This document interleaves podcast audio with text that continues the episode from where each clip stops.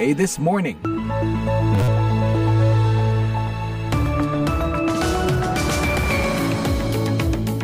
Dari ibu kota Amerika, Washington DC, happy morning! VOA This Morning kembali hadir untuk Anda pagi ini, Rabu 29 Maret 2023. Apa kabar? Sehat-sehat ya, jaga kesehatan dan kebugaran, terutama Anda yang berpuasa nih, supaya bisa puasa sampai tuntas. Kembali VOA This Morning menemani Anda pagi ini dan siap membekali Anda dengan beragam laporan dan informasi yang mendekatkan Anda pada dunia. Laporan pertama pagi ini kami sajikan dari Washington, Senat Amerika berupaya mencabut dua otorisasi perang Irak. Ketua fraksi mayoritas di Senat Chuck Schumer mengatakan, Americans are tired of endless wars in the Middle East. Many Americans have come of age without even remembering the early years of the Iraq War. Dari Jakarta, Presiden Joko Widodo menjamin keikutsertaan tim nasional Israel dalam Piala Dunia U20. Ini sesuai dengan konstitusi, menolak penjajahan dalam bentuk apa pun. Dan ini selalu kita sampaikan dalam forum-forum bilateral, forum multilateral, maupun forum internasional. Selain itu ada laporan mengenai tuduhan organisasi HAM bahwa respons Barat terhadap Ukraina mengungkap standar ganda. Dan jangan lewatkan dua laporan pagi ini terkait Ramadan. Saya Karlina Amkas, yuk kita buka jendela VOA This Morning dengan berita dunia. Inilah berita dunia VOA Washington bersama saya Rifan Dwi Astono. Sehari setelah pelaku penembakan di Nashville melepaskan tembakan di sebuah sekolah dasar, menewaskan tiga pelajar dan tiga orang dewasa, Presiden Amerika Serikat Joe Biden memohon kepada Kongres Amerika untuk mengesahkan larangan kepemilikan senjata serbu. Biden mengaku sudah melakukan semua yang bisa ia lakukan sebagai kepala pemerintahan untuk memperketat kebijakan pengendalian senjata api. I have gone the full extent of my executive authority do on my own anything about guns. Saya sudah mengerahkan seluruh kewenangan eksekutif saya sendiri untuk mengatasi masalah senjata api, ungkap Biden kepada wartawan di halaman Gedung Putih hari Selasa. Saya tidak bisa melakukan apa-apa lagi selain memohon Kongres untuk mengambil tindakan yang seharusnya, tambahnya. Biden mengatakan mayoritas warga Amerika menganggap punya senjata serbu itu tidak wajar. Itu gila, mereka menentangnya, kata Biden. Ia pun mendesak Kongres untuk segera mengesahkan larangan senjata serbu. Mayoritas anggota Kongres dari Partai Republik tidak bersedia melakukannya.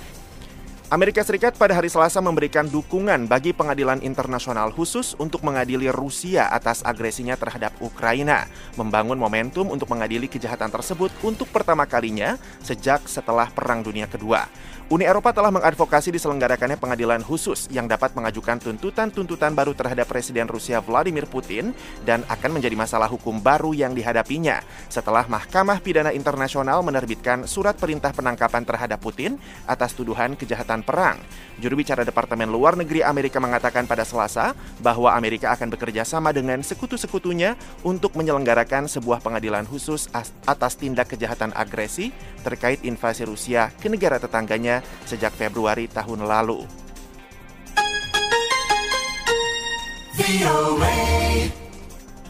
Partai politik yang dipimpin oleh pemimpin Myanmar yang digulingkan, Aung San Suu Kyi, dibubarkan oleh Komisi Pemilihan Umum yang ditunjuk oleh pemerintah militer Myanmar pada Selasa tengah malam karena menolak mendaftarkan diri dalam pemilu yang akan diselenggarakan. Demikian laporan stasiun TV pemerintah MRTV. Partai Liga Nasional untuk Demokrasi pimpinan Suu Kyi yang telah menolak pemilu tersebut dan menyebutnya sebagai pemilu palsu adalah satu dari 40 partai yang tidak mendaftarkan diri hingga tenggat waktu pada hari Selasa, kata MRTV. 2023ခုနှစ်ဇန်နဝါရီလ26ရက်နေ့တွင်နိုင်ငံတော်စီမံအုပ်ချုပ်ရေးကောင်စီဥပဒေအမှတ်15မြင်းဆောင်2023ဖြင့်၎င်း Berita itu disampaikan oleh pembaca berita dengan menampilkan pengumuman Komisi Pemilihan Umum yang mendaftar partai mana saja yang dibubarkan.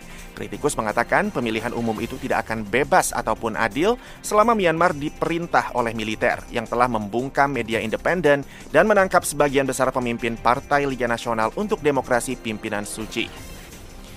Polisi anti huru hara di Paris menembakkan gas air mata ke arah pengunjuk rasa ketika demonstrasi dan aksi mogok kerja massal menentang reformasi kebijakan pensiun yang tidak populer berlangsung di Santero Prancis hari Selasa.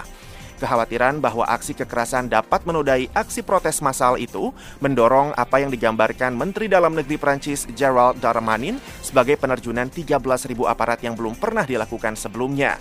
Hampir separuhnya, separuhnya dipusatkan di ibu kota Prancis. Gelombang unjuk rasa itu menandai ke-10 kalinya serikat-serikat kerja di Perancis menyerukan aksi mogok kerja dan ikut berdemonstrasi membanjiri jalanan Perancis menentang perubahan kebijakan pensiun yang diajukan Presiden Emmanuel Macron sejak Januari. Reformasi itu mengubah usia pensiun dari 62 menjadi 64 tahun.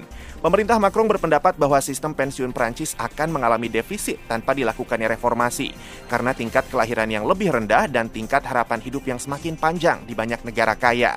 Lawan Macron mengatakan dana tambahan untuk pensiun dapat diperoleh dari sumber-sumber lain tanpa harus membuat para pekerja menunggu pensiun lebih lama. Sementara itu, Organisasi Kesehatan Dunia WHO mengatakan pada hari Selasa bahwa pihaknya tidak lagi merekomendasikan vaksinasi COVID-19 penguat atau booster tambahan bagi orang dewasa biasa dengan risiko sedang karena manfaatnya yang kecil. Bagi orang dewasa dengan risiko sedang yang sudah mendapatkan vaksinasi penuh COVID-19 ditambah satu dosis penguat, dosis tambahan yang diperoleh setelah itu tidak menimbulkan risiko apa-apa, hanya saja manfaatnya sedikit. Demikian menurut pakar vaksin WHO. Strategic Advisory Group of Experts on Immunization WHO mengeluarkan rekomendasi baru setelah melangsungkan pertemuan rutin dua kali setahun. Rekomendasi baru itu mencerminkan dampak varian Omikron yang dominan dan tingkat kekebalan tinggi yang kini telah tercapai di dalam populasi. Demikian berita dunia VOA Washington.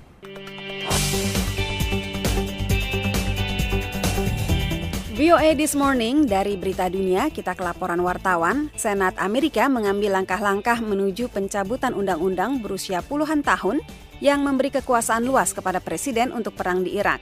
Upaya bipartisan ini dilakukan karena banyak senator menyatakan bahwa Kongres harus menegaskan kembali otoritasnya dan mencegah penyalahgunaan kekuatan militer. Kewenangan presiden untuk menyatakan perang merupakan salah satu otorisasi paling penting yang diberikan oleh Kongres Amerika. Kongres memberikan otorisasi penggunaan pasukan militer atau AUMF untuk Perang Teluk tahun 1991 dan invasi Amerika ke Irak pada tahun 2003. Beberapa dekade kemudian, sebagian dari kewenangan itu mungkin akan berakhir. Ketua fraksi mayoritas di Senat Chuck Schumer mengatakan, Americans are tired of endless wars in the Middle East. Many Americans have come of age without even remembering the early years of the Iraq War. Rakyat Amerika lelah dengan perang tanpa akhir di Timur Tengah. Banyak warga Amerika yang tumbuh dewasa bahkan tidak ingat tahun-tahun awal perang Irak. Setiap tahun jika AUMF berlaku bisa menjadi tahun lainnya yang bisa disalahgunakan pemerintahan di masa depan. AUMF telah memberi Presiden Amerika kekuasaan untuk melakukan operasi militer tanpa persetujuan Kongres. Anggota Kongres seperti Senator Demokrat Dick Durbin selama bertahun-tahun telah berupaya untuk mencabut AUMF dengan alasan sudah kadaluarsa. No weapons of mass destruction were ever found in Iraq. The repeal of this authorization of use, use, of military force does not mean that the United States has become a pacifist nation. Tidak ada senjata pemusnah massal yang pernah ditemukan di Irak. Pencabutan otorisasi penggunaan kekuatan militer ini tidak berarti bahwa Amerika menjadi negara yang pasif. Artinya Amerika akan menjadi negara konstitusional. Tetapi beberapa anggota Senat dari Partai Republik berpendapat pencabutan itu membuat Presiden memiliki sedikit pilihan untuk menanggapi dengan cepat ancaman yang terus berlanjut. Senator Lindsey Graham mengatakan, Americans are serving in Iraq and we owe it to them to make sure that we can use whatever military force necessary to protect them warga Amerika bertugas di Irak dan kita berutang kepada mereka untuk memastikan bahwa kita bisa menggunakan kekuatan militer apa pun yang diperlukan untuk melindungi mereka dari milisi Syiah yang beroperasi di Irak atas perintah Iran. Presiden yang mendapat status panglima tertinggi berdasarkan konstitusi Amerika telah lama mengambil tindakan militer tanpa persetujuan Kongres dan sering kali dengan sedikit tekanan balik dari Kongres. Pencabutan AUMF yang diusulkan mencakup perlindungan tambahan perubahan untuk mencegah penyalahgunaan kekuasaan dan memastikan presiden bisa bertindak cepat jika pasukan Amerika terancam di luar negeri. Upaya sebelumnya untuk meloloskan langkah itu gagal, anggota Kongres akan memperdebatkannya minggu ini dan berharap bisa menarik perhatian para pemilih Amerika. Pencabutan itu diperkirakan akan melampaui ambang batas minimal 60 suara Senat akhir pekan ini. Saya Madioni dan Leona Triono, VOA. VOA This Morning beralih ke laporan dari Paris, kemarahan global atas invasi Rusia ke Ukraina tahun lalu mengungkap standar ganda barat terhadap pelanggaran HAM di seluruh dunia, kata Amnesty International dalam laporan tahunannya yang dirilis Selasa. Organisasi hak asasi tersebut menyoroti respons yang lemah terhadap konflik di bagian lain dunia dibandingkan terhadap Ukraina. Amnesty International menilai solidaritas global pada rakyat Ukraina harus menjadi cetak biru konflik global, tidak terkecuali. Berbicara dalam konferensi pers Senin di Paris, sekjen organisasi itu Agnes Kalamard mengutuk invasi Rusia ke Ukraina. It is extremely clear to all of us that the violations committed by the Russian forces are far more important Sangat jelas bagi kita semua bahwa pelanggaran yang dilakukan pasukan Rusia jauh lebih penting dan mematikan daripada apa pun yang mungkin dilakukan militer Ukraina. Ia juga mengatakan ada standar ganda dalam tanggapan dunia terhadap konflik tersebut dan bahwa masyarakat internasional belum membantu orang-orang yang terimbas kekerasan di tempat lain dengan semangat yang sama. It is a robustness of the response to the Russian aggression against the Ukrainian people that highlight the poverty and the weakness of the response to other crises. Kuatnya respon terhadap agresi Rusia terhadap rakyat Ukraina menyoroti kurangnya dan lemahnya respons terhadap krisis lain. Kita berutang solidaritas pada rakyat Ukraina, tetapi kita juga berutang solidaritas pada rakyat Palestina rakyat Eritrea, rakyat Myanmar. Itu tidak terjadi pada 2022 dan fakta-fakta ini adanya dua proses paralel yang terjadi pada 2022 semakin menunjukkan adanya standar ganda. Banyak negara menerapkan sanksi terhadap Rusia dan membuka perbatasan mereka bagi pengungsi Ukraina. Pengadilan Kriminal Internasional meluncurkan penyelidikan atas kejahatan perang di Ukraina. Ini, kata Amnesty, menyoroti bungkamnya dunia pada catatan HAM Arab Saudi, lambannya sikap terhadap Mesir, dan penolakan untuk menghadapi sistem apartheid Israel terhadap warga Palestina. Amnesty bersama organisasi pengawas HAM, Human Rights Watch, dan seorang pelapor khusus PBB menyimpulkan bahwa perlakuan Israel terhadap warga Palestina sama dengan kebijakan apartheid atau segregasi atas dasar ras. Tuduhan ini dibantah pemerintah Israel. Negara-negara Eropa menyambut pengungsi Ukraina, tetapi mereka tidak menunjukkan kemurahan hati serupa terhadap orang-orang yang mengungsi untuk menghindari perang di Suriah, Afghanistan, dan Libya. Amerika juga menyambut baik orang-orang Ukraina, namun di bawah kebijakan dan praktik yang berakar pada rasisme anti kulit hitam, negara itu mengusir lebih dari 25 ribu orang Haiti antara September 2021 dan Mei 2022, dan banyak dari mereka mengalami penyiksaan dan perlakuan buruk lainnya kata organisasi itu. Amnesty juga menekankan kegagalan berbagai institusi global dalam menanggapi secara memadai berbagai konflik yang menewaskan ribuan orang, termasuk di Ethiopia, Myanmar, dan Yaman. Konflik paling mematikan pada 2022 bukan di Ukraina, tetapi di Ethiopia, kata Kalamart, jauh dari perhatian dunia. Karlina Amkas, VOA, Washington. VOA. VOA This Morning, kita ke laporan dari Jakarta. Presiden Joko Widodo memastikan keikutsertaan timnas Israel dalam Piala Dunia U20 yang memicu kontroversi.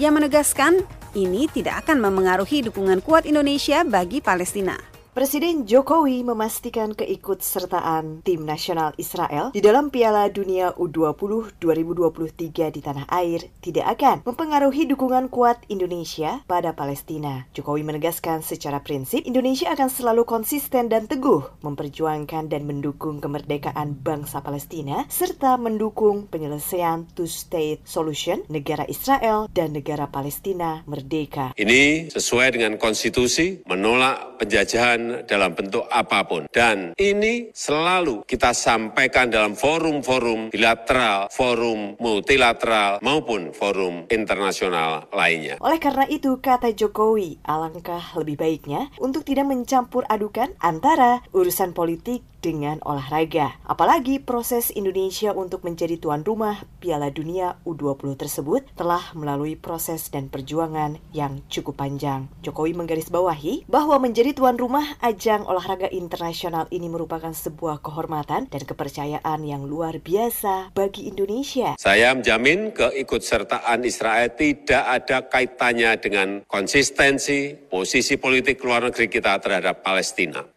karena dukungan kita kepada Palestina selalu kokoh dan kuat. Dan dalam urusan Piala Dunia U20 ini kita sependapat dengan Duta Besar Palestina untuk Indonesia bahwa FIFA memiliki aturan yang harus ditaati anggotanya. Jadi jangan mencampur adukkan urusan olahraga dan urusan politik. Lebih jauh, Jokowi menambahkan bahwa saat ini pihak FIFA telah mengetahui adanya penolakan terhadap keikutsertaan timnas Israel dalam Piala Dunia U20. Untuk mencari solusi terbaik, ia telah mengutus Ketua Umum PSSI Erick Thohir untuk bertemu dengan FIFA di Zurich. Dari Jakarta, Gita Inter melaporkan untuk VOA Washington.